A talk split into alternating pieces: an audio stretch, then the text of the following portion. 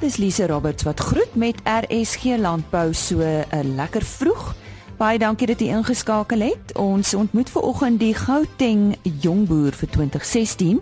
Hy is ook 'n varkboer. Dan vind ons uit wat het by die Angora skou op Holomor gebeur. Ons weeklikse briselose inset kom dan aan die beurt en ons gesels met die hoofuitvoerende beampte van Agri Expo oor die 27ste Statebond Landbouvereniging Kongres wat in Singapore gehou is. Ek gesels nou met CP Kriek en hy was vanjaar aangewys as die 2016 Agri Gauteng jongboer. Man, ons boer hierso tussen tussen Vogel en Potchefstroom. Ehm um, ons is so, so op die grens van Gauteng en uh Ja, ons uh, ons het so 2000 2200 sog hier. Uh kudde waarmee ons boer. Hoe het julle nou by die varke uh, uitgekom, CP?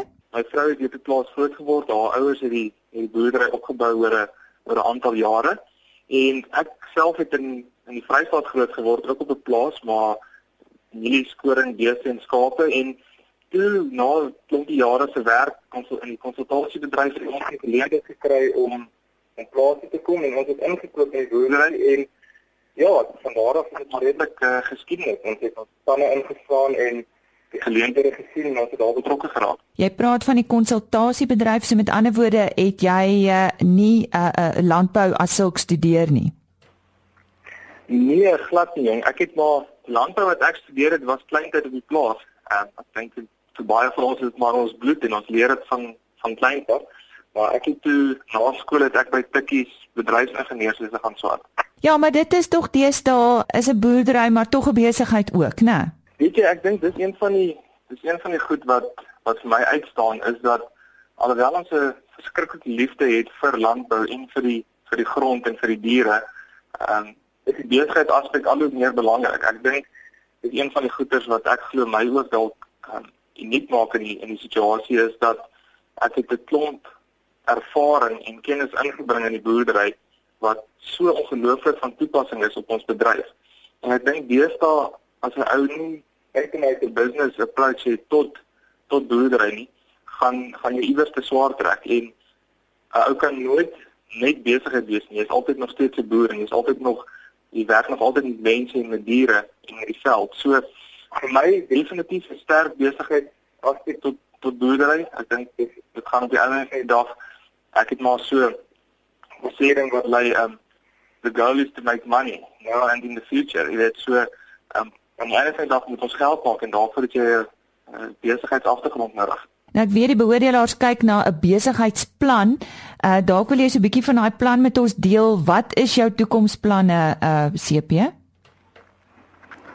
Jong, ek dink wat vir my heel eerste van belang is, is om die, om die varkboerdery aangesien dit 'n ou ou boerdery is wat wat baie jare saamkom om hom oor oor 'n redelike kort tydperk weer heeltemal lewensvatbaar te maak. Ehm um, daar moet baie aangebou, uitgebrei, reggemaak word. So eerstens wil ek seker maak dat ek 'n boerdery kan kan op die been hou wat vir die volgende 30, 40 jaar lewensvatbaar is. Ek wil graag in in die korttermyn wil ek my boerdery omskakel na 'n rigting multi-site varkboerdery waar ek 'n spesifieke teeleenheid het, 'n speeneenheid en 'n groeieenheid wat 'n groot effek gaan hê op my diere gesondheid maar ook op die ehm um, operasionele bestuur daarvan, die mense aspek en net natuurlike vloei. Vorentoe langtermyn sal ek definitief wil kyk om op of af in die in die waardeketting te in te gaan, jy weet, ehm um, het sy in die in die vleiskant of dan nou in die inkete kant en ek sien in die, in die toekoms van van Bouwbank-tyd sien ek definitief dat ons as 'n agribesigheid gaan gaan ontstaan en en meer divers gaan raak. Uh varkproduksie, proteïenproduksie sal altyd die die ehm uh, die senter wees van die van die besigheid. Dis waar ons ontstaan het en dis waar ons gaan groei. Maar ek kan sien dat ons uh rondom dit gaan diversifiseer korttermyn is besig om om hierdie klompie veiding te vestig wat ek met die onder andere met die varkens van Bemes wat vir ons 'n baie uh volhoubare besigheid gaan gaan maak en dis iets wat ons wat 'n moontlike kopseer en 'n en 'n afvalproduk kon gewees het wat ons al van omdraai en iets bruikbaar wat ons verder kan. As ek so luister klink jy na iemand wat 'n glas half vol en nie half leeg sien nie. Jy's 'n positiewe mens. Weet jy, ek dink of kom ek stel dit so, die dag toe ons besluit het om om plaas te kom, het ons besluit om te doen. Ons dit is nie op ons geforseer nie. Dis nie iets wat ons gesê is om te doen nie. Ehm uh, ek en my vrou Gerda het dit opsies gehad en En dit staan vir ons baie sentraal tot ons benadering. Ons het besluit om na toe kom. Ons het besluit om te belê in ons land in landbou. Um, en, en ons is positief. Ons moet ons moet positief wees. Ehm um, hoe jy weet ons sit in die suidpunt van Afrika wat 'n absolute hongerkontinent is en en ons moet ons moet produseer. Ons moet kos produseer en ons moet mense werk gee en ons moet bydra tot die ekonomie. Ek dink ek dink as jy positief is in ons land dan net 'n ongelooflike groot groot geleenthede. Dis dis my verhaling. Waarvoor het jy nog tyd behalwe boer uh, eh, CP? Hierso ja, ek um, die mense rondom my maak raak baie keer moedeloos vir my lys van goed wat ek alles graag wil doen en waarmee ek alles besig is.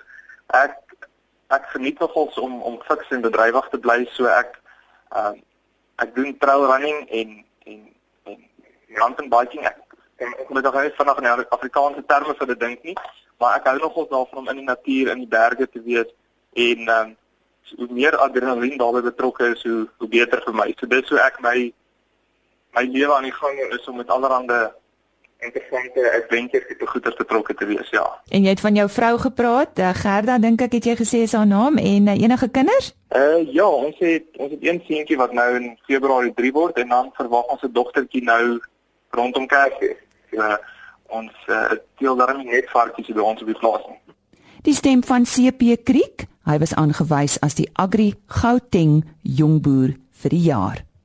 Dis nie altyd maklik om 'n boer te wees nie. Daarom het ons baie besluit dis hoogtyd dat jy die boer bedank word vir jou ondersteuning en die kos wat jy daagliks op ons tafel sit. Ons stel graag ons reuse baie dankie beloningsprogram bekend, die eerste van sy soort vir die Suid-Afrikaanse boer. Ons gaan 'n paar tawwe pryse weggee, 'n Toyota Land Cruiser, 'n viertrek motorfiets, doseerprogramme en vele meer te waarde van bykans 1 en 'n half miljoen rand. Hou die pers maandeliks dop vir ongelooflike pryse, gratis produkpromosies, krap en wen promosies en nog vele meer. Kontak jou plaaslike baieragent nou of besoek jou naaste agribesigheid en kry die beloning wat jy verdien. 'n Massiewe baie dankie aan elke boer. Die Suid-Afrikaanse Seibokhaar Vereniging bestuurder Petri Maree het met ons medewerker in die Oos-Kaap Karen Venter gesels tydens die nasionale Angora skou wat vanaf 8 tot 10 November op Holomoor plaasgevind het. Die betrokke skou vind ongeveer elke 5 jaar plaas en die vorige keer was in 2009 op Graafreinet. Aan die woord Petri Maree. Ja, ons het gister begin skou Ehm um, die skou strek oor 3 dae van die 8de tot die 10de November. Ehm um, dit is 'n nasionale skou wat so een keer elke 5 tot 10 jaar plaasvind. Die vorige skou was in 2009 in Graafrenet. En ja, ons ons ons skou met verskillende klasse. Ons het ons stoetafdeling. Ons het ons kuddeboere. Ons het gister geskou met ons opkomende boere en die plaaswerkers en dan ook 'n jeugskou wat gister 'n baie baie groot sukses was wat ons oor die 60 kinders gehad het. Die kompetisie was sterker soos ek verstaan het van die jeugskou beoordelaars as wat die SA's was wat dit 'n ruk terug was. En ja, ons het vanoggend begin met die stoetskou met die met die um, kudde kompetisie.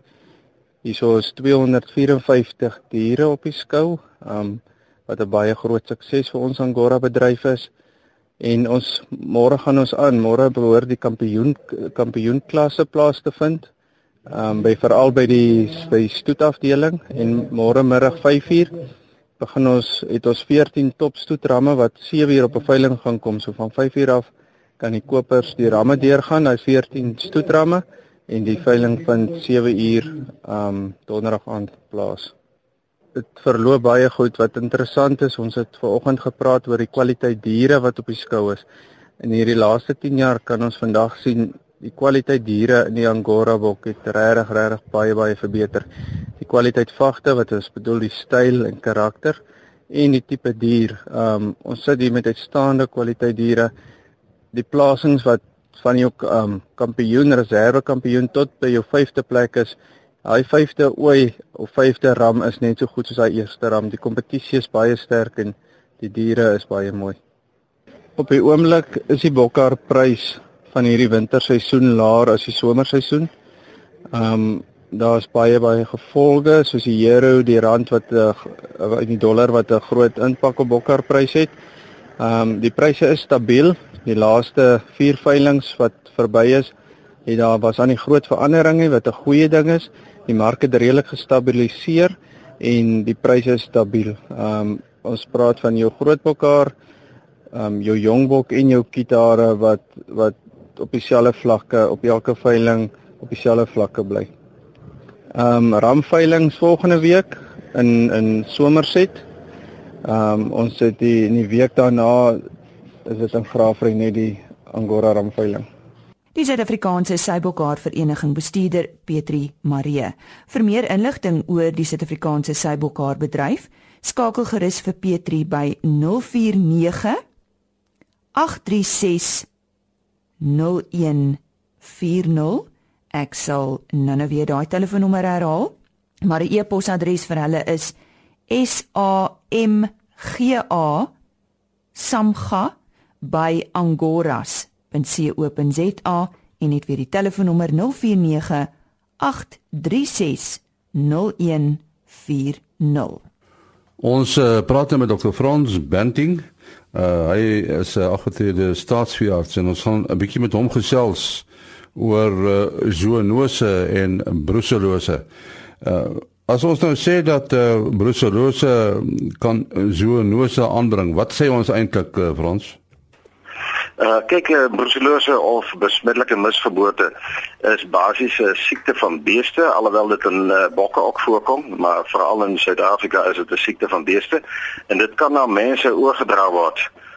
En uh, so siekte wat oorgedra kan word van diere na mense is staan bekend as 'n zoonose. Onder watter omstandighede kan die siekte oorgedra word? Uh, wel die siekte kom dus in koeie voor. Eh uh, hoofsaaklik eh uh, dit is 99% van die diere wat daar geplaas word is, is koeie. Ehm uh, en dit is 'n kiembesmetting wat veral in die koeie se eier uh, limfknope as ook die baarmoeder en soms ander organe van die besmette koei of 'n besmette vers voorkom. Uh in die baarmoeder vermeer die kieme veral as die dier dragtig is. En uh mense kan dan besmet raak as hulle met uh jy weet die beeste werk of in aanraking kom. Jy sê dat daar besmetting in die eier kan wees, kan dit nie ook in die melk beland nie? Ja, uh omdat die kieme in groot getalle in die eier limfknope en in die eier self voorkom, is uh, rou ongepasteuriseerde melk en rou melkprodukte soos room, botter en kaas uh, gevaarlik vir mense. As 'n mens hierdie uh, produkte inneem, byvoorbeeld om rou melk te drink, uh dan kan 'n mens baie maklik besmet raak met die met die kieme en dan kan jy die toestand uh, optel. Ja, vier artse moet seker baie uh, versigtig wees. Ja, uh, ehm um, veeartse, boere, slagters en uh, huisvrouens op op die platteland. Dit is eintlik maar die mense wat meeste besmet raak. Uh die ander maniere behalwe nou die inneem van uh, produkte soos melk en kaas en so is die enstowwe ook soms ehm um, gevaarlik want uh, daar is twee be enstowwe beskikbaar op die mark en dit is lewende enstowwe. So as 'n boer of 'n veearts per ongeluk uh, homself raak spuit met die enstof dan kan dit ook die besmetting optel. As 'n mens nou die besmetting opgetel het, uh, wat staan 'n mens te doen? Kyk, uh nommer 1 jy moet na 'n mediese dokter toe gaan en dan moet jy met die mediese dokter jy het moontlik die besmetting opgetel en dan kan hy jou behandel. Ehm maar ek wil net eers ook 'n bietjie gesels oor die ander moontlikhede uh van besmetting. Uh byvoorbeeld die slag. Slagters moet ook baie versigtig wees as jy 'n uh, besmette bees sou slag, dan kan die as jy so bees nou so opsaag en dan kan die druppelbesmetting in die bloed en dan die melk en ander organe, jy weet, um, vloeistof in die baarmoeder en so aan kan kan 'n mens ook besmet. Uh, en uh, as as 'n mens nou na die dokter toe gegaan het, hoe sal 'n mens weet 'n mens het moontlike besmetting. Wat is die simptome? Uh, die simptome mense kan akut of kronies wees. Uh, as jy met uh, met die siekte aan aanraking gekom het, dit wil sê as jy nou besmette melk gedrink het of 'n besmette kalf gehanteer het of uh, met besmette vleis en selfs in aanraking gekom het, dan word 'n mens gewoonlik na 2 tot 3 weke word jy siek. Uh, in my geval, ek is ook besmet met die siekte, was dit ongeveer 2 weke. En die ehm um, die simptome in die mense is nogal uh, baie tipies. Uh die simptome is nommer 1 koorsaanvalle. Jy kry 'n laaggraadse koors met gloede en erge sweetuitbarstings wat veral snags voorkom. Dit is eienaardig dat die siekte in jou in die dag en die oggend gewoonlik nie vreeslik aantas nie, maar uh hierso van 3:00 die middag uh, tot 12:00 die aand dan kry jy hierdie koorsaanvalle, gloede, sweetuitbarstings. En dan kry jy ook spierpynne en spierontsteking. En dit is veral in die kuite en die bobene. Dit is die die uh spiere wat die meeste aangetast word. En dan uh pynlike gewrigte en erge gewrigsontsteking. Dit wil sê jou gewrigte swel, jou gewrigte is uh, seer, jy kan nie lekker met jou uh, hande en jou knieë, jy weet, jou hande hanteer nie, jy kan nie lekker loop nie want alles is seer. Uh en dan uh ding wat ook wat mense baie sien is hoofpynne en aantasting van die brein die hoofpynne kan of steekhoofpynne wees dit wil sê dit eh, dit voel asof iemand 'n spyker in jou kop inslaan. Dit is dis dit is 'n gelokaliseerde steekhoofpynne wat van korte duur is. Uh, dit was som, uh, soms net 'n paar sekondes of 'n minuut. Maar sommige mense wat hierdie brucellose kry het uh, langdurige en ondraaglike hoofpynne wat wat selfs daar uh, weke en maande kan voorkom Uh, behalwe dit is daar erge mo moegheid en lusteloosheid. Uh mense so lusteloos dat jy amper nie meer wil werk nie. En dan as die brein aangetast word, kry jy depressie. Uh en dan is so 'n persoon glad nie meer lus vir die lewe nie. Ja, en as uh, brucellose nou so probleme in Suid-Afrika is, is die gevaar van zoonose natuurlik groter, né? Nee? Ja, wel die die siekte is er so in ons in, in mense, maar dit is ook interessant om te weet dat 'n mens nie 'n ander mens kan aansteek nie. Dit wil sê jy kan die siekte dus net by 'n bees kry en uh, in sommige gevalle is bokke ook besmet met die met die brucellose kieme en mense uh, kan dit ook by 'n bok optel. En dit is nogal uh, interessant die, uh, as jy brucellose bestaan staan bekend aan mense as wisselkoors as dit van 'n bees afkom en dit staan bekend as malta koors as dit van 'n bok afkom. Ehm um, en nou uh, kroniese brucellose, ek wil dit net ook noem, dit is nou 'n langdurige siekte. Uh, jy kan hierdie siekte lewenslank in jou liggaam dra as die behandeling nie goed gehelp het nie. Uh die akute fase, die vinnige fase van die siekte duur gewoonlik 2 tot 3 weke en dan word jy nou beter. Maar dan uh, kom die siekte kronies terug uh, herhaal met tussenposes. En die belangrikste simptome van hierdie kroniese brucellose wat tot 30, 40 jaar kan duur, uh is erge moegheid met depressie, uh spierswakheid, jy, jy veral jou bene en en spiere word baie swak en jy kan nie lang afstande loop nie. Uh kroniese hoofpynne, lusteloosheid en dan um, kan jy vermaring ondervind. Ek weet selfs van 'n geval waar 'n dame uh, in een oog blind geword het as gevolg van brucellose. So daar's allerlei simptome wat kom en gaan. Jy weet uh, soms verdwyn dit vir 'n paar maande en dan kry jy weer 'n aanval. Ja, ons sê baie dankie aan uh, Dr. Frans Banting wat gesels het oor uh, brucellose en die feit dat dit 'n uh, soonose kan uh, ondergaan. Die 27ste Statebond Landbouvereniging Kongres is vanaf 31 Oktober tot 4 November in Singapore aangebied. Die landbouorganisasie Agri Expo is genooi om die unieke model wat die landbougenootskap volg met die res van die Statebond te deel. Om meer hieroor te gesels, die hoofuitvoerende beampte van Agri Expo, Johan Elers. Môre Lise. Die Stadebond se landbouvereniging of die Royal Agricultural Society of the Commonwealth soos dit bekend staan, is 'n organisasie wat nou al 'n redelike lang tyd uh bestaan en interessant genoeg dit is die enigste spreekbuis vir landbou by die Stadebond. So hulle hou elke tweede jaar 'n kongres bestaan uit 'n konfederasie van meer as 50 uh organisasies wat bestaan uit landbouinstansies, uh landbouassosiasies en dan ook landbougenootskappe wat werksaam is in meer as 20 van die statebondslande. En die doel is om verbruikers bewus te maak van ontwikkelingsgeleenthede te identifiseer en dan probleme en uitdagings binne in landbou aan te spreek en te kyk ook hoe landbougenootskappe as sulks betrokke kan raak daarbey in die rol wat hulle speel. 'n Brei bietjie uit om vir jaar se tema. Die tema vir jaar was landbou by 'n kruispunt. Die gaping tussen die stad en die platteland, the rural urban divide. En ek dink dit is reg oor die wêreld, dit is maar een van die groot probleme. Ehm um, hoe bring jy die landboukonsep van die platteland af na die stedeling toe?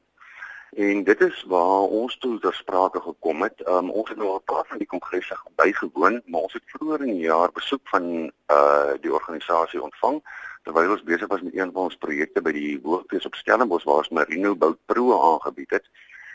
En hulle het kom kyk eintlik na die model waarop ons funksioneer nadat ons die destyds die Kaapse skougronde verkoop het en nou sonder skougronde 'n baie groter uh en meer platforms gebruik om landbou te bevorder, die beeld daarvan te bevorder en na die verbruiker toe uit te reik.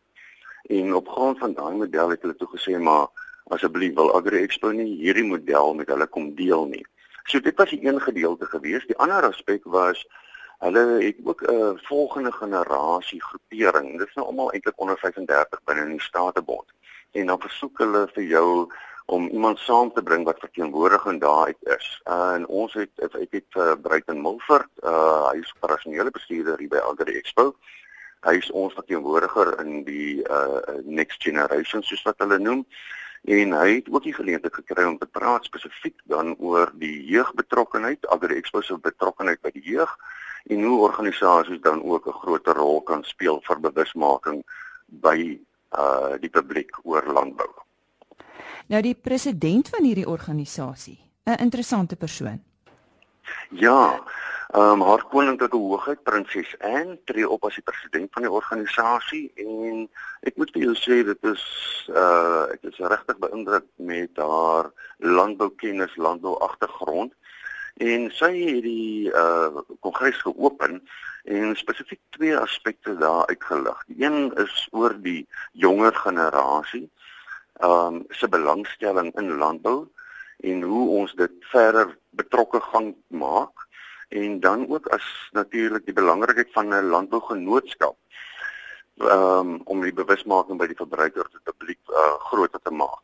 Die die hele fokus van die kongres het baie sterk gegaan op die rol van 'n landbougenootskap om hierdie platteland uh stad uh, verdeeldheid bymekaar te bring want dit is maar basies 'n rol van die genootskappe. Waar dit in die verlede was landbouer na landbouer toe by 'n landbougenootskap het daai hele rol verander na landbouer na verbruiker toe. En dis 'n internasionale tendens daarso.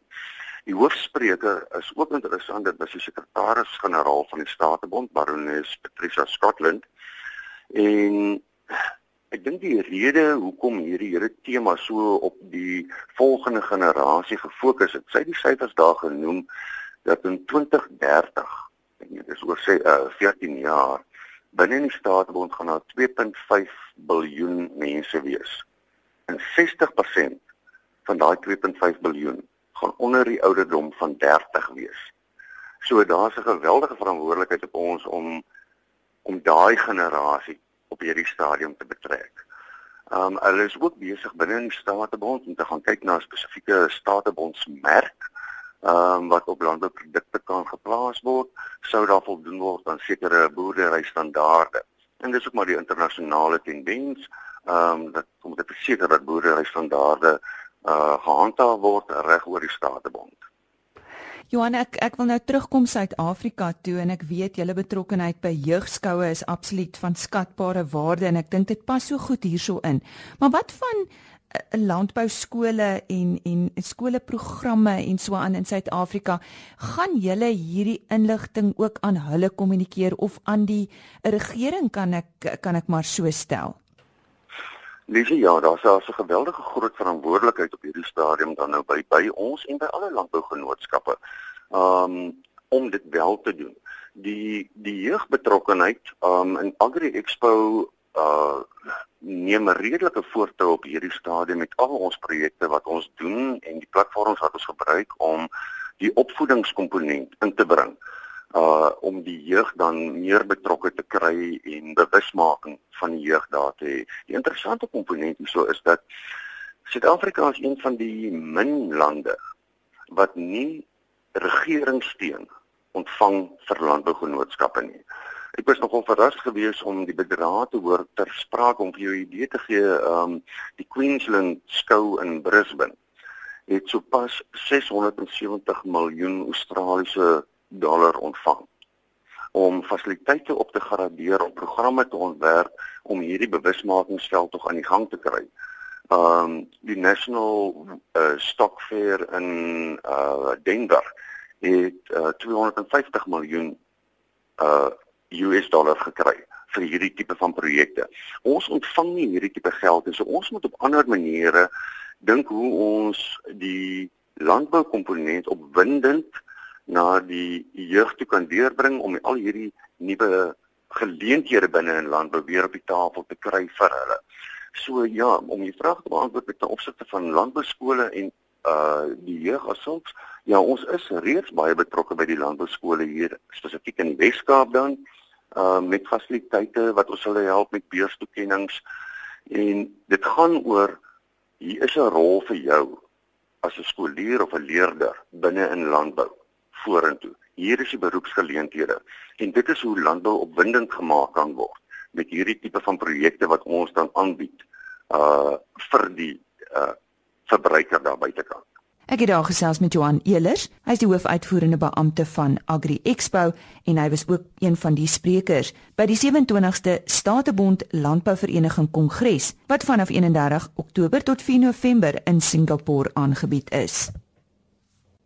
Nou ja, dit is donderdag en dit beteken my laaste gesels met u tot volgende week maandagooggend. Mag dit met u net goed gaan. Totsiens. RSG Landbou is 'n produksie van Blast Publishing. Produksieregisseur Henny Maas. Aanbieding Lisa Roberts. En uitskoördineerder Martie Kerstyn.